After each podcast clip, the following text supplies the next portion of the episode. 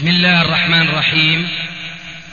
الحمد لله والصلاة والسلام على رسول الله أما بعد.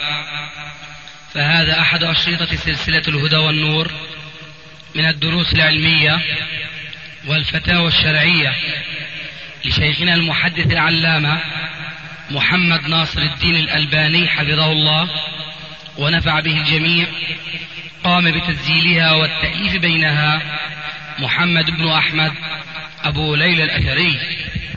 إخوة الإيمان والآن مع الشريط الواحد والخمسين بعد الثلاثمائة على واحد. تروى عن هؤلاء السلف من القول بأنهم كانوا يقولون بأن تارك الصلاة كافر.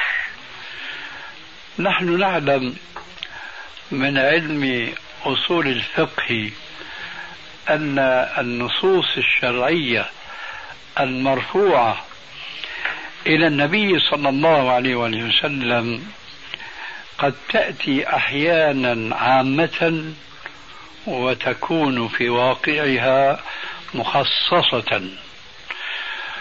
وتأتي أحيانا مطلقة وتكون أحيانا مقيدة. إذا كان هذا هو واقع الأحاديث. وعليكم السلام ورحمة الله وبركاته.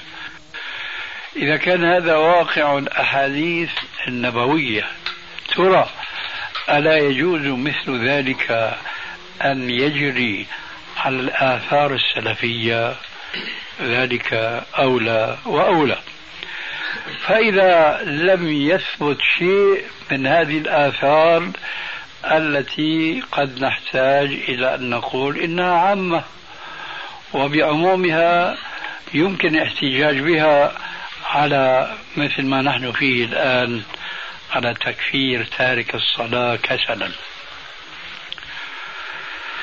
كذلك إذا جاءت مطلقة فيمكن أن يقال إنها مقيدة لكن إن لم تصح فقد استراحنا منها. ولم نكن بحاجة إلى أن نقول إنها يا أخي من العام المخصص أو من المطلق المقيد فأنا أقول بأن هناك حديثا في الصحيحين وغيرهما أن حديث الشفاعة يوم القيامة يشمل حتى تارك الصلاة. فإذا لا يصح أن نطلق الآن وفي هذا الزمان الذي لا يفهم أحد من إطلاق كلمة كافر على مسلم يشهد أن لا إله إلا الله إلا أنه دخل في عموم قوله تعالى إن الله لا يغفر أن يشرك به ويغفر ما دون ذلك لمن يشاء. إذا كان هناك حديث الشفاعة في الصحيحين يشمل حتى تارك الصلاة فإذا إن صح عن أحد من الصحابة القول بأنه كفر فيجب علينا أن نفسره كما قال ابن ابن عباس رضي الله عنه في تأويله لقوله تعالى ومن لم يحكم بما أنزل الله فأولئك هم الكافرون قال كفر دون كفر فأولئك هم الكافرون مش كفروا كلمة كفر آه، ألطف من كافر لأنه كفر فعل ماض أي صدر منه كفر. أما كافر فهو اسم فاعل. فإذا حاكم ما أو أمير ما عدل يوما ما تقول عنه إنه عدل لكن سائر حياته الظلم فتستطيع أن تقول عنه إنه عدل. والعكس بالعكس إذا كان عادلا لكنه في حكومة ما في قضية ما ظلمه فتقول إنه ظلمه. فلا يجوز أن تقول عن الأول الظالم الذي عدل مرة إنه عادل. كما أن العكس أيضا لا يجوز. أي الذي من عادته الظلم لكنه في حكومة ما في قضية ما عادل آه إيش؟ عدل؟ نعم. آه نقول عنه عادل؟ لا. نقول بالنسبة لمن كان يعدل لكنه ظلم ظلم. لا نقول ظالم لأنه يعطي أن من صفته أنه يظلم والعكس بالعكس كما تبين لكم. آه، إذا كان ترجمان القرآن رضي الله عنه يفسر فأولئك هم الكافرون. بأنه كفر دون كفر فإذا جاء نص في الكتاب أو في السنة في جنس ما أو في شخص ما بأنه كفر فيمكن أن يكون من باب تفسير ابن عباس لقوله تعالى فأولئك هم الكافرون أي كفر دون كفر. وإذا جاء الحديث حديث الشفاعة في الصحيحين صريحا في أن من كان تاركا للصلاة بل ومن لم يعمل خيرا قط يخرج من النار فما ينبغي أن نقول عنه إنه كافر بالمعنى الذي يتبادر إلى ذهن السامع أي إنه مخلد في النار. هذه هي من شؤم أخذ الآثار التي تروى عن السلف دون بحث وتحقيق وفي قضايا آه، هامة جدا كمثل تكفير المسلم الذي يشهد أن لا إله إلا الله. وهذه الشهادة التي قال فيها رسول الله صلى الله عليه وآله وسلم من قال لا إله إلا الله نفعته يوما من دهره. أي لم يخلد في النار. وتأكد ذلك بالحديث السابق أن الله عز وجل يخرج بشفاعته عز وجل برحمته وهو أرحم الراحمين من لم يعمل خيرا قط. وقد جاءت هذه العبارة أو جاءت شفاعة رب العالمين إذا صح هذا التعبير بالنسبة إليه في الصحيحين كما أشرت آنفا بعد أن يشفع ربنا عز وجل آه، المؤمنين الذين دخلوا الجنة مع السابقين الأولين. فقالوا يا ربنا إخواننا كانوا يصلون معنا ويصومون معنا ويحجون معنا ويجاهدون معنا لا نراهم معنا أدخلتهم النار. فيقول الله عز وجل أخرجوهم.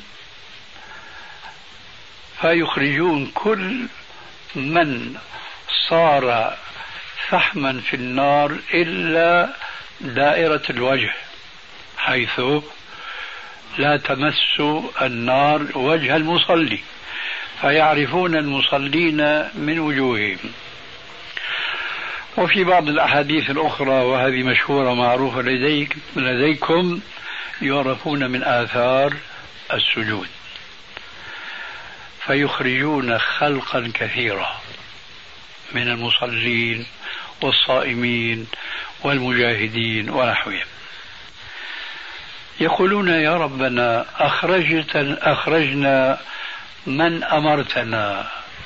فيقول الله عز وجل أخرجوا من كان في قلبه وزن دينار من الإيمان. فيخرجون خلقا كثيرا. ويقولون ربنا أخرجنا من أمرتنا بإخراجه. فيقول الله عز وجل أخرجوا من كان في قلبه وزنه نصف دينار وأخيرا باختصار من كان في قلبي ذرة من إيمان. في كل مرة يخرجون خلقا كثيرا يقول في الحديث الحمد لله. كل هذه الوجبات يخرجهم ربنا عز وجل بواسطة الشفعاء المؤمنين. الوجبة الأولى المصلين. ترى الوجبة الثانية والثالثة هؤلاء ليس فيهم بأن تارك الصلاة لمجرد الترك لا يكفر كفرا. يخرج به من الملة ولا يشمله قوله تعالى ويغفر ما دون ذلك لمن يشاء. ويؤكد ذلك قوله عليه الصلاة والسلام بعد أن يخرج من النار من كان في قلبي مثقال ذرة. يقول الله شفعت الملائكة والأنبياء والمؤمنون ولم يبقى إلا شفاعة أرحم الراحمين. فيقول أخرجوا من لم يعمل خيرا قط. فمثل هذا الحديث حينئذ يجب يوجب علينا أن نجري عملية تصفية على هذه الآثار التي تروى عن السلف في تكفير تارك الصلاة. فما كان منها غير ثابت استرحنا منها. ولا نوجد تعارضا بينها وبين الأحاديث الدالة على أن تارك الصلاة تركا غير مقرون بالجحد إنه لا يكفر ولا يرتد عن الدين. وما كان منها ثابتا تأولناه كما نتأول الآثار التي عفوا الأحاديث المرفوعة التي تروى عن النبي صلى الله عليه وسلم والتي يتبادر إلى الذهن أول ما يتبادر أنه ليس مسلما. كالحديث المعروف مثلا في صحيح مسلم وغيره من ترك الصلاة فقد كفر فلا بد حين ذاك من تأويل هذا الصحيح من المرفوع كذاك الصحيح من الموقوف آه، تأويلا يتفق مع النص الصريح الذي ذكرناه آنفا حيث يخرج من النار غير المصلين أيضا. هذا كلمة بمناسبة أن الآثار أيضا ينبغي تحري الصحة فيها في كثير من الأحيان. حديث الشفاعة الحديث أنه يقبض قبضة بيده فيخرج لما يقول أنه أخرج من النار من من لم يعمل خيرا قط. نعم في روايات. رواية معناتها ما بقى أحد في جهنم. أحد من مين؟ من الكفار؟ من المسلمين. من المؤمنين. طيب هذا ما نبغيه. وهو كذلك. حديث شيخنا تفضل. في هذه قضية الصلاة. جزاك الله خير شيخنا. وإياه يعني إحنا نتكلم وكلمات إخواننا حول قضية موجة التأويل اللي إحنا عايشينها للنصوص وكذا. نعم. فلعلنا نجد تأويلا محتملا أن يذكر علينا وهو أنه قد يقال الحديث ما بال إخواننا الذين يصلون معنا ويصومون معنا ويحجون معنا. بقول لك الموجة الثانية هذول ما بحجوا أما لكن بيصوموا بيصلوا والموجة الثالثة ما بيصوموا لكن بيصلوا. فبتبقى الصلاة على أصلها. هذا التأويل قد يقال شيخ. كيف يقال؟ ما هو ما أكثر لا التأويلات ما معليش يعني؟ آه، يعني اشرح قولهم. كيف يقال؟ يعني لما قالوا لا نجد إخواننا الذين كانوا يصلون ويحجون ويزكون إلى آخره. فأخرجوا ادخلوا وأخرجوا. فيخرجون يعني المصلين دون الصائمين. هكذا يفهمون؟ هيك قد يقال. يعني هذا الذي نعم هذا ما معليش. قد نعم. يقال هذا. لكن آه، هذا التفصيل من أين يأخذونه؟ تأويلا. معليش ما تدافع عليه. إنه تأويل يعني صحيح. إنهم دفعات مش دفعة واحدة. فبالتالي الدفعة الأولى كانوا تاركين الص... يعني الذين يصلون. يا أخي. فهمت هذا. هل ما نهاية المطاف أن تاركين الصلاة ليسوا في هذه الدفعات؟ هذا الذي سيقولونه. إيه، فهمت. ما هو الدليل الصائمين في هذه الدفعات؟ آه طبعا. الحجاج. في هذه الدفعات؟ نعم لأنه ما يكفرونهم. هذا هو. آه. طيب المصلين إذا ليسوا من هؤلاء. نعم. طيب وحينما تأتي الجملة الأخيرة أخرجوا من النار من كان في قلبه وزن دينار نصف دينار ذرة من إيمان ثم شفاعة رب العالمين من لم يعمل خيرا قط. كيف يؤولون هذا؟ هو باب التأويل هو باب التعطيل. صحيح. هو باب التعطيل. بارك الله فيك يا شيخنا. في عندي سؤال في تتمة يعني له علاقة يعني هو منهجي أيضا في تتمة البحث لكن ما هو في الجانب الفقهي لكن في جانب العقائدي. تفضل. المعلوم أن الدعوة السلفية كذلك فيما تدعو إليه كما تدعو إلى تحكيم الكتاب والسنة بفهم السلف الصالح في مسائل العملية والعبادات وغيرها فهي كذلك تدعو إلى تحكيم الكتاب والسنة وما كان عليه السلف الصالح وما عرف بالعقيدة السلفية وتعلمها والحرص عليها لأن البداء بالإيمان بالله بالله تبارك وتعالى واليوم الآخر هي من مهمات الإسلام. حق.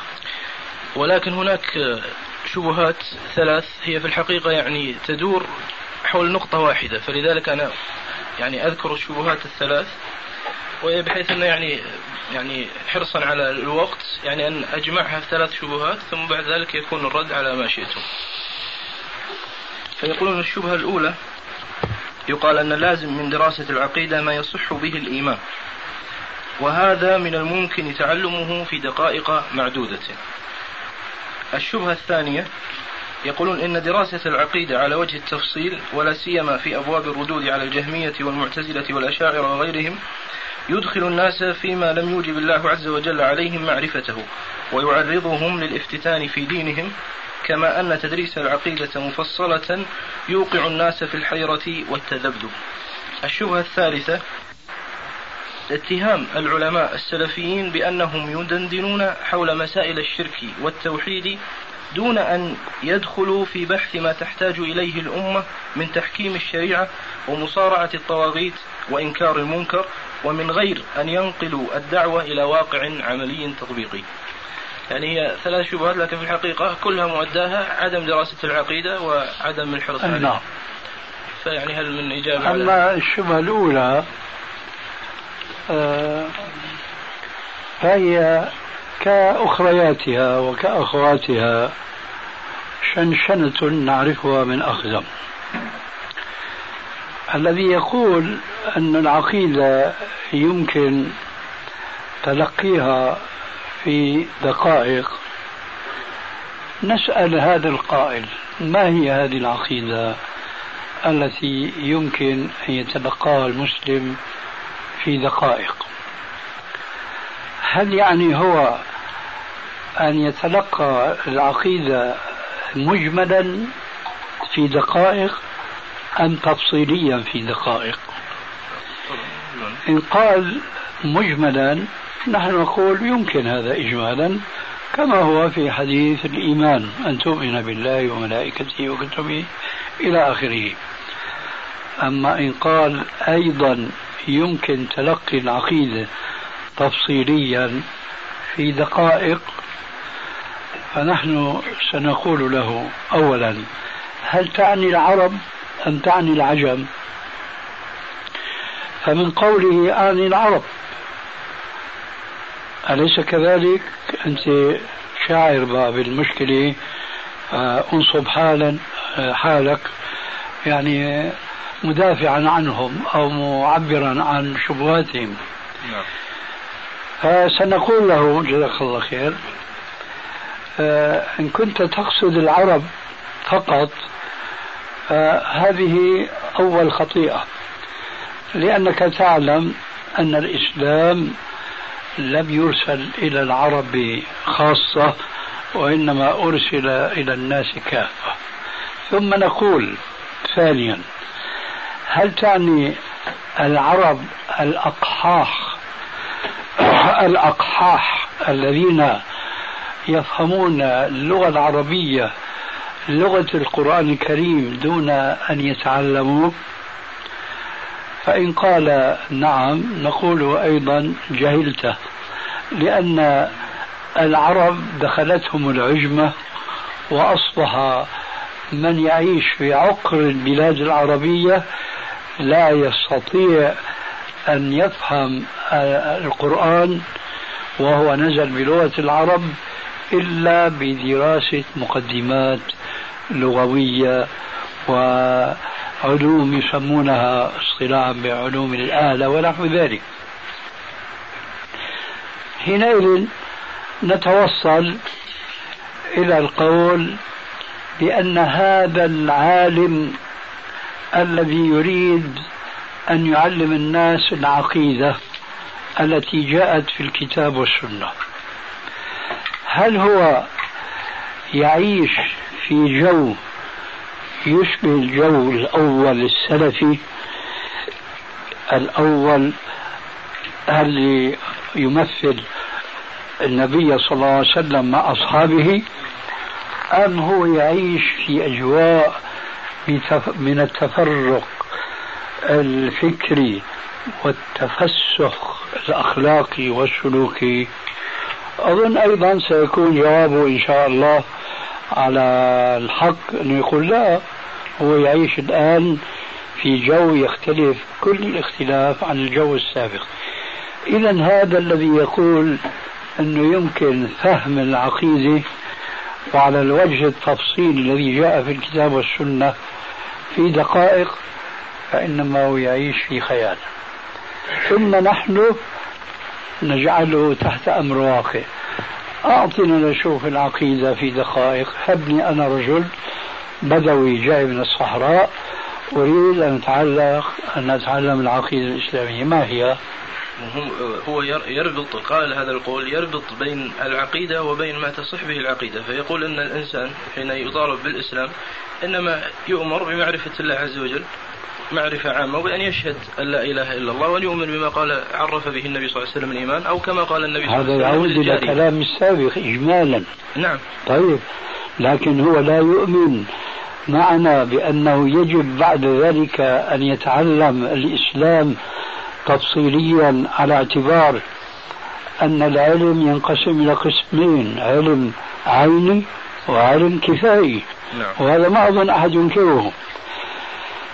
الآن هو يتكلم عن الرجل انظر الآن ضلال هؤلاء الناس هل بيعيشوا في الأحلام؟ بيتصوروا أولا أن مجتمعنا هو المجتمع الرسول عليه السلام.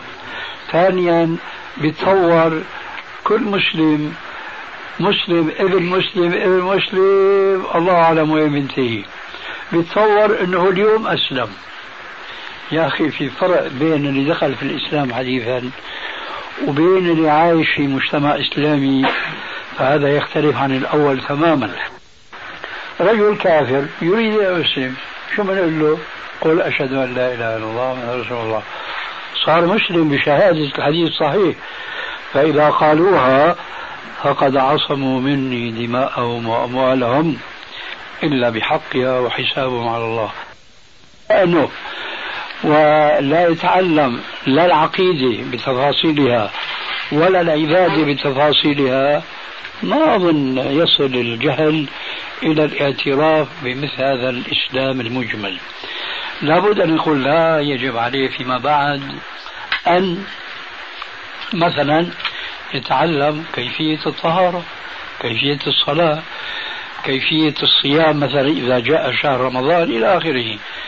هذه التفاصيل لابد أن يتعلمها ليتم إسلامه. ترى الإيمان أليس كذلك؟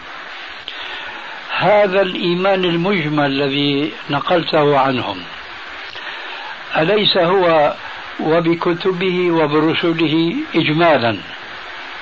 ترى إذا جاء التفصيل ماذا يقولون عنه؟ يجب الإيمان إذا جاءه التفصيل. يجب الإيمان به أم لا؟ لا شك أنه لا يجب الإيمان به. نعم. يجب الإيمان به إذا جاءه التفصيل. هو هكذا. يعني هل هل يتصور أنهم يقولون لا؟ هم لا يقولون لا مثل ما ذكرتم يا شيخ لكن هم وقعوا في الجزء الذي ذكرته أنهم وقعوا في الجهل المطبق بحيث أنهم إيه، هذا هو. لذلك نحن يجب أن نكون وهم أن يكونوا معنا في الواقع. واقعنا الآن والحقيقة هذا اللي بيجعل نحن دعوتنا ليست بالسهلة. الناس اليوم يفهمون أنه ممكن الإنسان يعرف الإسلام كله في جلسة واحدة. لأنهم يجيبوا لك المثال الأعرابي. هل علي غيرهم؟ قال لا إلا أن تتطوع. لك أخي هذاك إسلام لسه ما كمل جاء من البداوي ويريد أن يسلم لكن لسه الإسلام ينزل بأحكامه بجهاده بكذا وبكذا إلى فنحن الآن لا يجب علينا بل لا يجوز لنا أن نرجع قهقرة نحن يجب أن نتمنى هذا الإسلام جملة وتفصيلا. فإذا ما وقع المسلم في مثل هذا الجو المختلف فيه أشد الاختلاف وكما ذكرنا آنفا مع الدكتور 73 فرقة. لا ينجو منها إلا فرقة واحدة. قالوا من يا رسول الله؟ قال هي التي على ما أنا عليه وأصحابي. نحن الآن ألسنا يجب علينا وعليهم هؤلاء السائلين الشاكين المرتابين. أليس من الواجب عليهم أن يحرصوا أن يكونوا من الفرقة الناجية؟ لا شك أنه سيكون جوابهم نعم. يا أخي أنت لست الآن في زمن الرسول. تيجي تجلس مع الرسول وتسمع الحكم منه مباشرة بينك وبين الرسول أربعة عشر قرنا. وفي أمامك في طريقك عثرات وعثرات. حيجيك حديث. بل حتجيك آية. لو كنت بين يدي الرسول يكفيك المؤنة. إذا أشكل عليك معناها مثل ما وقع بالنسبة لبعض الصحابة. حينما أشكل عليهم آية ولم يلبسوا إيمانهم بظلم. تذكرون الآية والحديث؟ آه. قالوا إذا أينا ليس ذاك الرجل الذي ظلم نفسه؟ قال ليس ذاك. ألم تقرأوا قال الله تبارك وتعالى يا بني لا تشرك بالله إن الشرك لظلم عظيم. فأزال الرسول عليه السلام هذه الشبهة من أذانهم فأنت أيها المسلم في القرن الرابع عشر في أول الخامس عشر. لست في صحبة الرسول حتى إذا أشكل عليك يجي يعطيك الجواب وتسلم تسليما أمامك هذه المسافات الطويلة. بدك تعرف هذا الحديث صحيح ولا مو صحيح؟ بدك تعرف هذا الحكم؟ هل أخذ من الكتاب أم من السنة؟ أم الإجماع اللي بيصير فيه خلاف تارة في تصحيحه وفي تضعيفه أم من القياس ثم هذا القياس هل هو قياس جلي أم هو قياس خفي؟ فالآن وضعنا غير ذاك الوضع يا مساكين فهن اللي جهل بهذا العلم بيستسهلوا الأمر وبيقول لك ممكن عقيدة واحد يتعلمها في دقائق معدودات ولذلك فنحن الحقيقة يجب أن نمضي قدما. في طريقنا الشاق الطويل المديد. وأنا أقول في بعض الكلمات لما أذكر قوله عليه السلام حينما كان جالسا بين أصحابه فتلا قوله تعالى وخط على الأرض خطا مستقيما وأن هذا صراطي مستقيما فاتبعوه. ولا تتبعوا السبل فتفرق بكم عن سبيله. جاء الحديث مصورا في بعض كتب الحديث بأن الخط المستقيم طويل والخطوط التي حوله خطوط قصيرة. أنا أفهم من هذا الحديث غير ما نطق به الرسول أكثر مما نطق به الرسول. أي أفهم الشيء الذي نطق به الرسول زايد ما أشار إليه الرسول بهذا الرسم الرائع البديع الخط المستقيم هو الصراط والخطوط القصيرة هي التي على على رأس على كل خط منها شيطان يدعو الناس إليه. هذا الشيطان وأنا سمعت هذا بأذني هاتين أذني هاتين من بعض من يزعمون أنهم يدعون إلى الإسلام ويريدون أن يقيموا دولة الإسلام على طريقة القفز إلى رأس الإهرام بخطوة واحدة بيقولوا والله أنتم دعوتكم الحقيقة صحيحة. لكن يا أخي شو طريق طويل شاق إمتى بدنا نصل لإقامة الدولة المسلمة والمجتمع الإسلامي. أنا بقول أي أفهم الشيء الذي نطق به الرسول زايد ما أشار إليه الرسول بهذا الرسم الرائع البديع الخط المستقيم هو الصراط والخطوط القصيرة هي التي على على رأس على كل خط منها شيطان يدعو الناس إليه. هذا الشيطان وأنا سمعت هذا بأذني هاتين أذني هاتين من بعض من يزعمون أنهم يدعون إلى الإسلام ويريدون أن يقيموا دولة الإسلام على طريقة القفز إلى رأس الإهرام بخطوة واحدة بيقولوا والله أنتم دعوتكم الحقيقة صحيحة. لكن يا أخي شو طريق طويل شاق إمتى بدنا نصل لإقامة الدولة المسلمة؟ والمجتمع الإسلامي. أنا بقول الرسول رسم هذا الخط ردا على هؤلاء. بقول لهم شوفوا هذا الخط الطويل حف بالمكاره. شوفوا هذه الخطوط القصيرة حفت بالشهوات فهم يريدون أن يصلوا بالطرق القصيرة هذه ولن يصلوا أبدا. وتجربة هذا العصر من جميع من طوائف من الجماعات الإسلامية أكبر دليل على أن على رأس كل شيطان عمليا يدعو الناس إليه. فيخرجون عن الخط المستقيم. ونحن علينا أن نبقى في هذا الخط المستقيم. ولا يضيرنا ولا يهمنا أن الناس يقولوا هذا خط طويل وشاق وإلى آخره.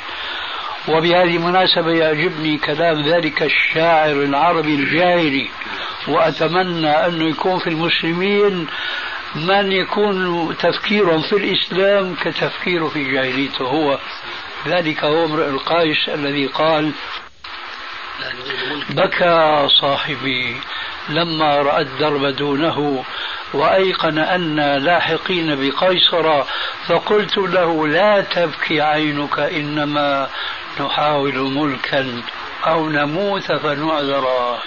شو علينا نحن إذا استمررنا نمشي في الصراط المستقيم وما وصلنا لإقامة الدولة المسلمة. هاي العالم الإسلامي صار له قرون يتخبط في البعد عن الكتاب والسنة. فإذا نحن أخذنا الصراط المستقيم ومشينا خطوات قليلة. وين لنصل مش مهم أن نصل. المهم أن نمشي في الخط المستقيم. ذلك الجاهلي فهم الحقيقة الواقعية العلمية. وإن كان هدفه إيش؟ هدفه الدنيا هدفه الملك. لكن يقول نحاول ملكا أو نموت فنعذر.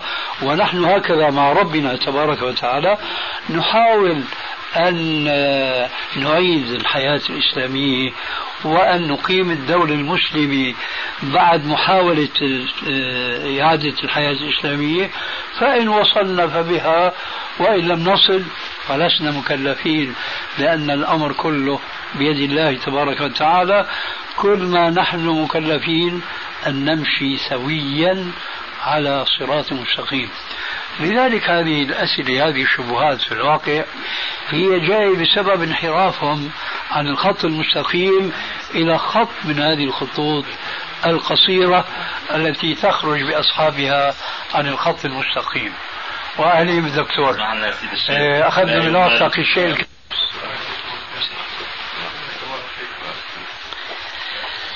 طيب يا سيدي هذا الجواب عن هذا السؤال الحقيقة يعني مثل ما قلت أنت يعني إجابة هيك الإجمالية يكفي إلا إذا كان هناك شيء يستحق أيضا الخوض في الجواب عنه. في شيء آخر في يعني؟ نفس المسألة. في الحقيقة هي في شبهة أيضا. لكن تحتاج إلى ذكر لأن يعني يعاني منها أيضا سلفيون ليس عندهم شائبة يعني شائبة عنف أو إيه؟ من هذا النوع إيه؟ يعني إيه؟ لكنهم يتصورون العقيدة تصور يعني مرتبط مع كتب شيخ الإسلام ابن تيمية كالتدمرية وغيرها والردود على الجهمية والمعتزلة والشاعرة فيتصورون أن دراسة العقيدة هي دراسة هذه الكتب فقط لا مو ضروري هم يعزفون عن دراستها ويعكفون على دراسة كتب أخرى قد تكون يعني تؤدي بهم مع الاستمرار إلى حصول أخطاء منهجية يعني في الحقيقة هو على كل حال يعني نحن نريد من إخواننا إنه ما يتصوروا انه كل فرد منهم يمكن أن يصير عالما. فهو عليه إذا شعر بأنه يجد في نفسه استعدادا للمضي قدما في طلب العلم فنحن ننصحه حقيقة بأن يقرأ آه، كتب العلماء الذين عرفوا بسلامة منهجهم عن انحراف يمينا ويسارا والتأثر بعلم الكلام.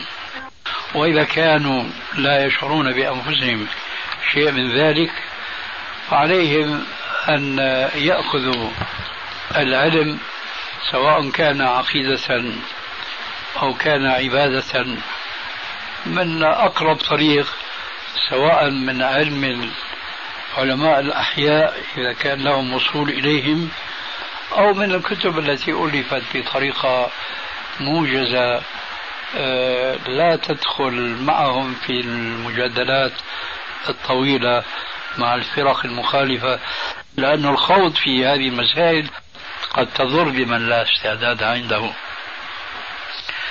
لأنه المناقشة المخالفين كثيرا ما تؤدي بالمناقش نفسه أحيانا أن ينحرف بعض الشيء في ولو في مسألة واحدة عن الخط الذي ينبغي أن يسلكه مستقيما. طيب وين أبو ليلى؟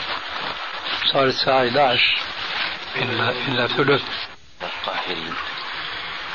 ارفع صوتك خليه يسمعوا الإخوان.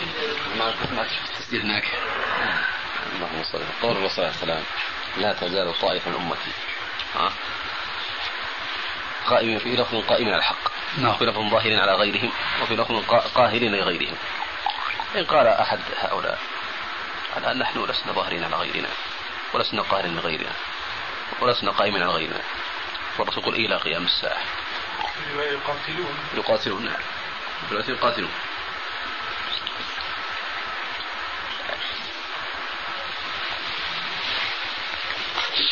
الحمد لله القضية بارك الله فيك نسبية. نعم. الرواية التي ذكرها الشيخ علي هنا هي مجسمة تماما. يقاتلون. لا نقاتل فعلا. هي ما بدها مناقشة إطلاقا. لكن ذلك لا يعني أنهم ليسوا على الحق إلا من هذا الجانب. إلا من هذا الجانب. وإذا وقفنا الآن للنظر في أنهم ليسوا على الحق من هذا الجانب. يجب أن نتأمل أن تصير الطائفة المنصورة والتي هي على الحق إلى أن تقوم الساعة في ظرف مثل هذا الظرف آه، تكون مقاتلة. يعني فعلا تحمل السلاح وتقاتل الأعداء سواء كانوا في الداخل أو كانوا في الخارج. هل هذا يمكن تحقيقه ما بين عشية وضحاها لا, لا. طبعا الجواب عند كل العقلاء سيكون لا إذا إذ الأمر كذلك فنحن نتصور أن هذه الطائفة إما أنها آه، تلاحظ تقصيرها من هذا الجانب أو تعترف بأنها غير مقصرة لأنها تأخذ بالسبب الذي يمكن أن يوصلها إلى أن يتحقق هذا الوصف فيها. حينئذ إن كانت هكذا هل تخرج عن كونها عن كونها الطائفة المنصورة؟ يعني إما أن تأخذ بأسباب أن تصبح مقاتلة وإما أن لا تأخذ. فإن أخذت وعليكم السلام ورحمة الله. فإن أخذت فما عليها من مؤاخذة إطلاقا لأنها كما قلنا آنفا هي تمشي في هذا الطريق. نعم. آه. وإن لم تأخذ فهي بلا شك مقصرة من هذه الزاوية. صح؟ نعم. طيب. فالآن المسلمون كما تعرفون تشاهدون. إذا كنا نحن نعتقد أن هذا الطريق الذي نحن نمشي فيه من حيث أولا ما نسميه نحن بكلمتين تصفية ثم تربية هل يمكن أن يتحقق هذا الوصف في الطائفة المنصورة بدون هذا الطريق إما أن نقول يمكن ومع ذلك نحن لا نفعل فلسنا بالطائفة المنصورة. وإما أن نقول لا يمكن إلا أن نبدأ من ها هنا.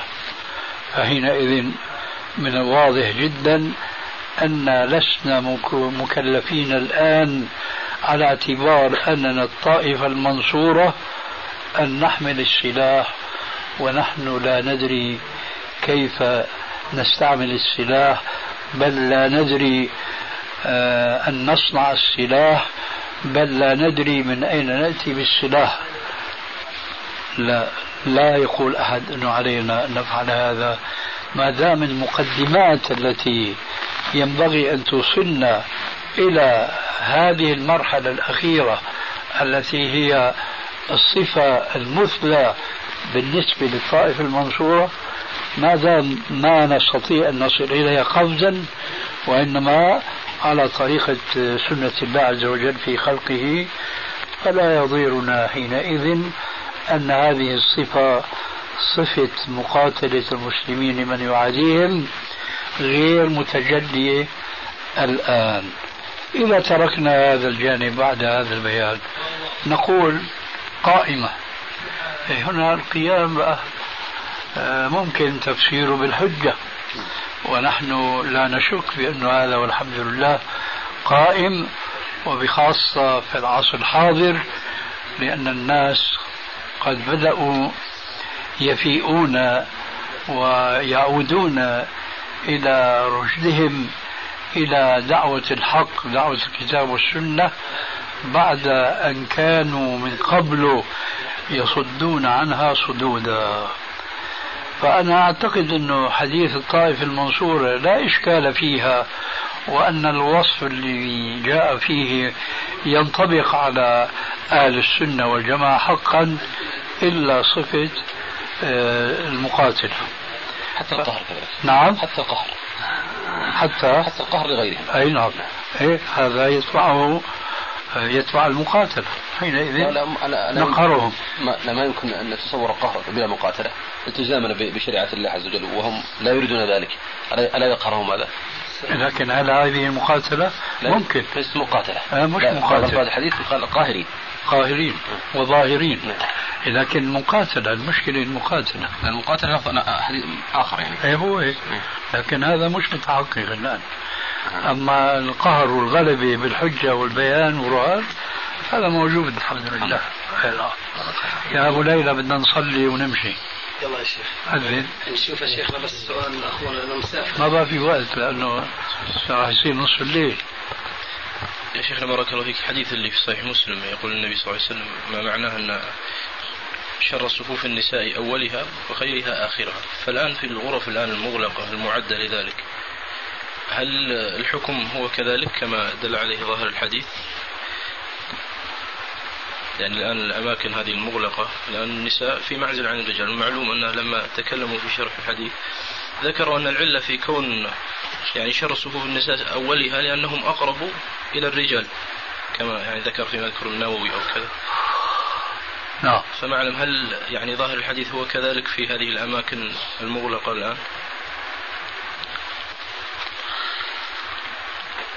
أنا في اعتقادي لا أستطيع أن أجيب عن السؤال لأنني أظن أن السائل يعترف بشرعية هذا الإغلاق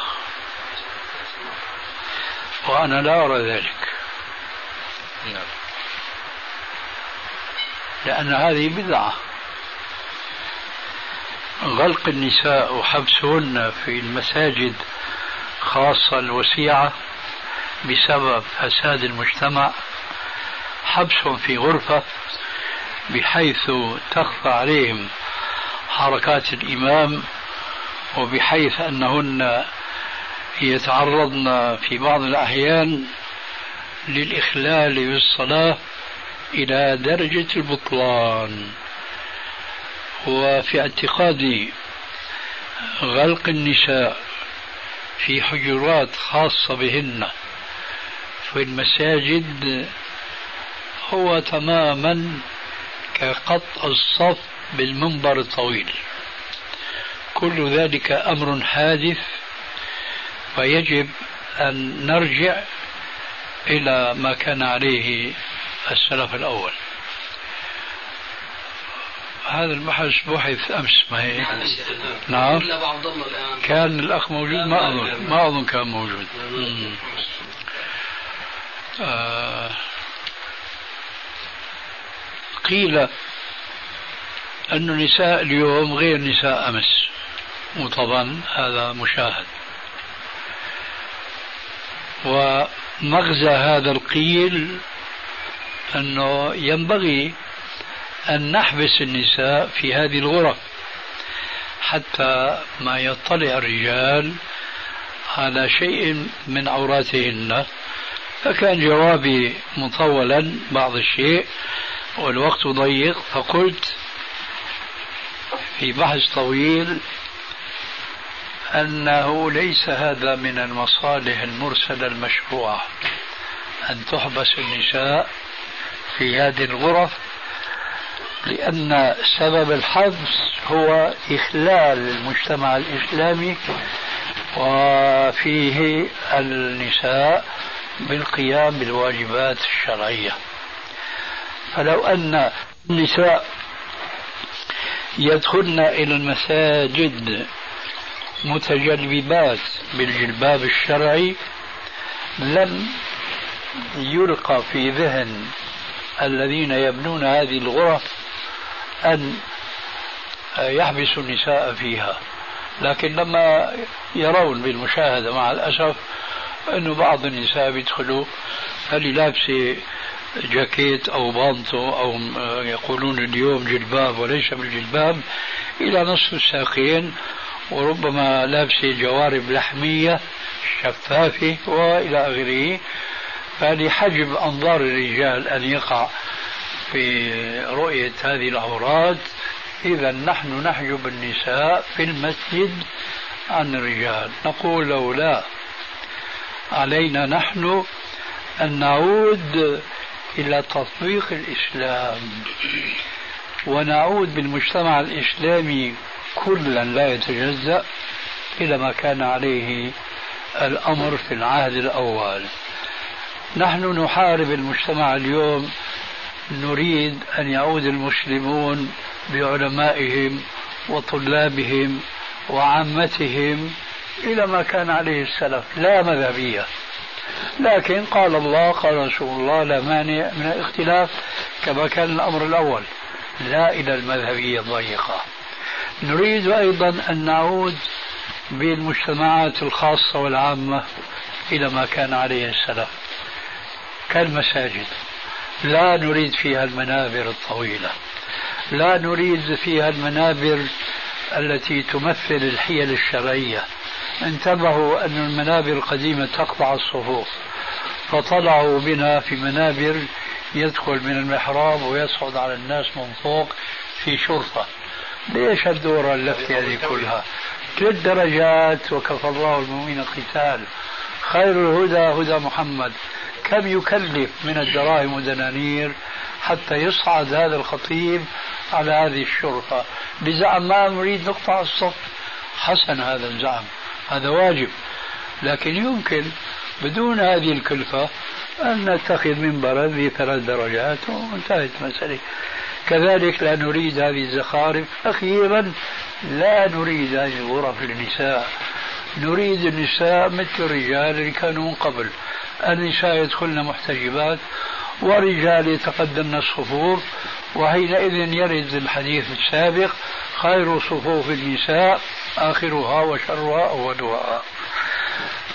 لا نريد أن نعكس دلالة الحديث بسبب ما طرأ من الانحراف في بنيان هذه الغرف في المساجد. الدنيا أخي قبل ما ندخل خارج الوقت. يعني. نعم. السؤال الأخير يعني. السؤال الأخير. السؤال المنبني على الكلام الأول. تفضل. هو يعني قد سمعنا يعني من الإخوان أنه إذا كان الإنسان في تكتل ما عليه أن يبقى. عليه؟ عليه أن يبقى في هذا التكتل إذا هداه الله سبحانه وتعالى إلى العقيدة الصحيحة وأن يعلم هؤلاء نقلوها عنكم. ولكن هذا يعني مشروط بشروط. أن هذا الرجل الذي يمكن أن يجلس في هذا التنظيم حتى يعلم إخوانه الذين في التنظيم الذين لا يستقبلون من أحد إطلاقا إلا من صفوفهم. ولكن اشترط عليه أن يلتزم عدة أمور منها أن يدفع اشتراك. أن؟ يدفع اشتراك أيه؟ من ماله إلى هذه الجماعة.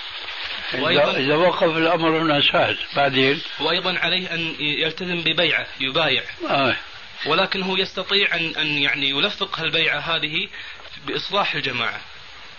والثالث أن أن يلتزم بطاعة أن يطيعهم وأن يحضر اجتماعاتهم ويفعل ما يأمرون به.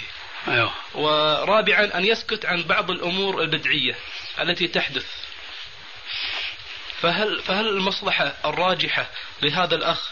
وأيضا في نقطة مهمة جدا أنه قليل العلم. لم يتمرس لما كان في صفوفهم لم يعلموه على العقيدة ولا على يعني على الأمور كلها فبهذه الشروط هل يستطيع هذا الرجل الذي هو في هذا التكتل هذا التنظيم والذي له منصب عندهم أن يجلس ويعلم إخوانه العقيدة وكذا ويستمر معهم؟ بدون شروط. لا بهذه الشروط. بدون شروط. إذا ما يستطيع. ما يستطيع. أما الشرط الأول فلا بأس به وخير لك ألا تذكره. نعم. عرفت أي شرط؟ الاشتراك؟ أيوة كان ينبغي على الأقل تذكره أخيرا يعني. هنا أي نعم. شوف يا أخي أنا الذي أجده من مخاطر أيضا التكتل والتحزب الموجود اليوم أنهم ينطلقون في تكتلاتهم هذه المفرقة للأمة على قاعدة غير إسلامية. أصبحت اليوم كأنها قاعدة إسلامية ضرورية جدا وهي الغاية تبرر الوسيلة. لابد أنكم سمعتم مثل هذه القاعدة المزعومة الغاية تبرر الوسيلة. أظن أخونا عبد الرحمن رحمه الله جزاه الله خيرا ورحمنا أحياء وأمواتا وقع في هذه نقول نحن في لغة الشام الطابوسة يعني في هذه الهوة حيث صرح في بعض رسائله أن المسلم في هذا العصر لابد أن في سبيل طلب الرزق لابد أن يواقع الحرام. لعلكم تذكرون شيء من هذا؟ طيب. كيف يقول مسلم هذا وهو يقرأ قوله تعالى ومن يتق الله يجعل له مخرجا ويرزقه من حيث لا يحتسب. ويقرأ مثل قوله عليه السلام إن نفسا لن تموت. إن روح القدس نفث في روعي. إن نفسا لن تموت حتى تستكمل رزقها وأجلها. فأجملوا في الطلب فإنما عند الله لا ينال بالحرام. كيف يقول رجل يعني إذا ما قلنا عالم فهو مثلنا طالب علم وماشي في طلب العلم آه، قديما وحديثا كيف يتناسى كل هذه النصوص؟ وهي صريحة. الغاية تبرر الوسيلة. وصلت هذه القاعدة معهم أن يطبقوا على أتباعهم شروط البيعة الكبرى. الطاعة العمياء البيعة لا طاعة لمخلوق في معصية الخالق. هذه نصوص جاءت بالنسبة للخليفة وهم يصرحون أنه لا خليفة ولكنهم يقولون بألسنتهم ما ليس في قلوبهم أو بعبارة أخرى يخالفون أقوالهم بأفعالهم. فالبيع في الإسلام لا نعرفها إلا للخلفاء. والطاعة هذه التي توجب على المسلم آه، بحيث أو تجب على المسلم بحيث أن الأمر المباح يصبح فرضا عليه بسبب صدور الأمر ممن يجب تنفيذ الأمر. كالزوجة مثلا يأمرها زوجها بشيء ليس في الأصل واجبا عليها شرعا لكنه في الأصل هو مباح. فيأمرها أن تفعله. وهي قادرة مستطيعة فيجب عليها أن تفعل ذلك. كذلك الحاكم المسلم المبايع بيعة شرعية هكذا. فالأخوة المسلمون سنوا هذه السنة السيئة ثم قلدهم من قلدهم آه، ممن أراد أن يجمع بين الإخوانية وبين السلفية فرضوا البيعة وفرضوا الطاعة. نحن نقول لا مانع من فرض الطاعة في سبيل تنظيم آه، تعليم الناس وتوجيههم وتربيتهم إلى آخره. ولكن ليست هي الطاعة التي آه، يأمر الله عز وجل بها. في القرآن إطاعة الله والرسول وأولي الأمر منكم. هذه طاعة خاصة وتلك طاعة عامة. لا يترتب عليها الأحكام التي تترتب على الطاعة الخاصة. فختاما أقول أن هذا العضو الذي أنت تشير إليه إذا كان آه، لا يسمحون له إلا أن يخضع لبيعتهم ولطاعتهم العمياء وهم يعلمون أن وجوده بين ظهرانيهم يفيدهم في أصل دعوتهم ولا يضرهم فهذا هو من شؤم التكتل. واضح الجواب؟ وسبحانك اللهم وبحمدك. أشهد أن لا إله إلا أنت. أستغفرك وأتوب إليك. خلاص. انتهى. آمين. وقال الذي آمن يا قوم اتبعون أهلكم سبيل الرشاد. يا قوم إنما هذه الحياة الدنيا متاع وإن الآخرة هي دار القرار. من عمل سيئة فلا يجزى إلا مثلها. ومن عمل صالحا من ذكر أو أنثى وهو مؤمن وهو مؤمن فأولئك يدخلون الجنة يرزقون يرزقون فيها بغير حساب. ويا قوم ما لي أدعوكم إلى النجاة وتدعونني إلى النار. تدعونني لأكفر بالله وأشرك به ما ليس لي به علم وأنا أدعوكم إلى العزيز الغفار. لا جرم أن ما تدعونني إليه ليس له دعوة ليس له دعوة في الدنيا ولا في الآخرة وأن مردنا إلى الله وأن المسرفين هم أصحاب النار. فستذكرون ما أقول لكم وأفوض أمري إلى الله. إن الله بصير بالعباد. الله أكبر.